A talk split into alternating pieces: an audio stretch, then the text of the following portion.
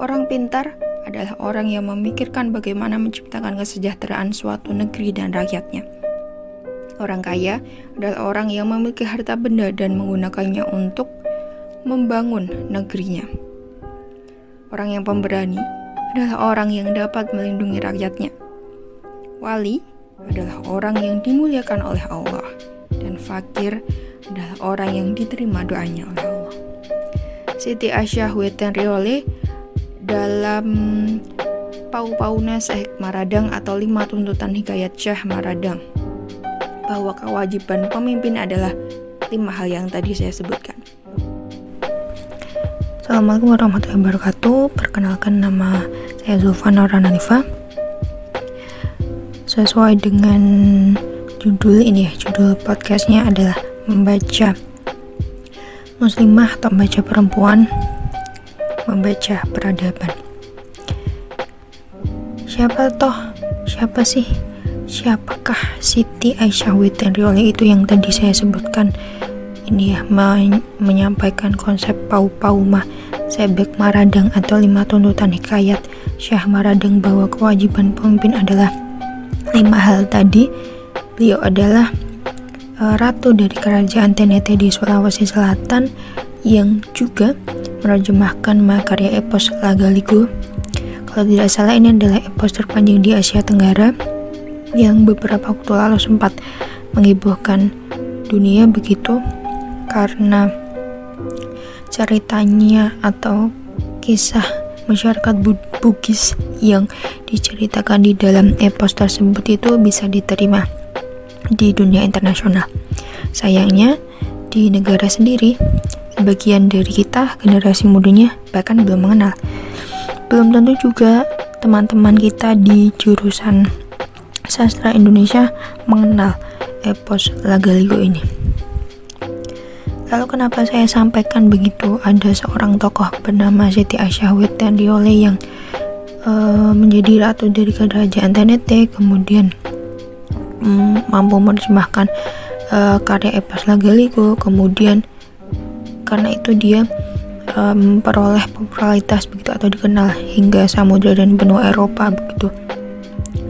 Dan dia juga memperkenalkan begitu konsep tadi ya konsep tuntutan hikayat Syah Maradang adalah ternyata beliau ini adalah perempuan yang dulu itu punya andil besar begitu untuk dakwah Islam. Dulu dia sangat uh, punya peran begitu punya dampak untuk dakwah Islam.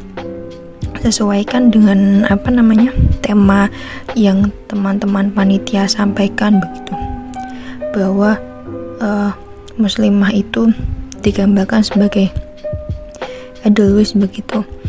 Punya ciri keabadian. Jadi uh, diharapkan ada uh, pribadi muslimah yang punya eternal love kemudian delicate heart dan woman chastity chastity jadi harapannya mungkin secara mudah kita dapat pahami sebagai eksistensi kemuslimahan kita itu sampai mana sih untuk apa namanya untuk ikut memajukan Islam atau ikut uh, menjayakan Islam di masing-masing masa yang kita uh, hidupi begitu kita, kita atau kita arungi dan sesuai dengan judul yang saya pilih adalah membaca perempuan membaca peradaban Artinya, Siti Aisyah Witanrioli ini sudah memberikan contoh begitu bahwa dengan membaca beliau punya dampak besar begitu.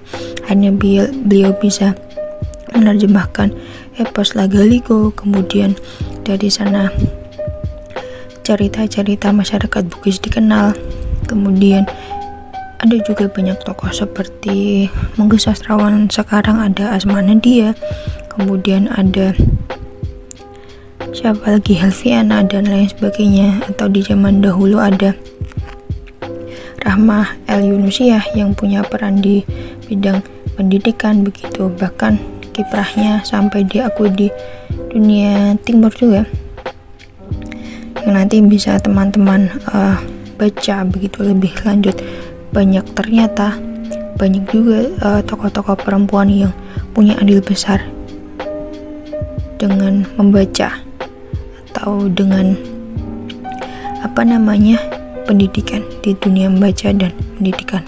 Kenapa sampai saya bisa menyampaikan bahwa ada tokoh bernama Siti Aisyah Wetenriole adalah karena secara tidak sengaja saya mengikuti webinar kemudian di webinar tersebut Ustad, Ustadzah menyampaikan beberapa tokoh perempuan yang punya andil besar terhadap kemajuan Islam di Nusantara dan akhirnya saya menemukan beberapa tokoh itu termasuk Siti Aisyah Wetenriole ini yang kodarullahnya atau sebelumnya itu saya juga membaca begitu buku tentang laga liko dari Faisal Odang. Puisi tentang 13 pertanyaan yang beliau ajukan untuk tokoh-tokoh laga liko dan ini mempunyai apa ya pesan tersendiri bagi saya begitu bahwa oh ternyata pengalaman membaca itu membawa pengalaman-pengalaman lain begitu. Uh, pengalaman sebelumnya saya membaca bukunya Faisal Odang ternyata mempertemukan saya begitu dengan oh ternyata Siti Aisyah ini toh yang uh, menerjemahkan Liku yang kemudian diinterpretasi menjadi 13 puisi yang berupa pertanyaan oleh Faisal Odang. Oh ternyata beliau itu apa namanya punya pengaruh yang besar ya terhadap kemajuan Islam pada zamannya. Dan itulah begitu. Ternyata membaca itu memberikan apa ya uh, peran sepenting itu atau dampak sebesar itu begitu. Apalagi untuk urusan dakwah begitu atau urusan memajukan Islam sudah pasti membaca itu menjadi penting bagi seorang muslimah. Terakhir saya ingat salah satu puisi dari Joko Pinurbo bahwa buku pertama yang aku baca adalah ibuku. Terima kasih. Wassalamualaikum warahmatullahi wabarakatuh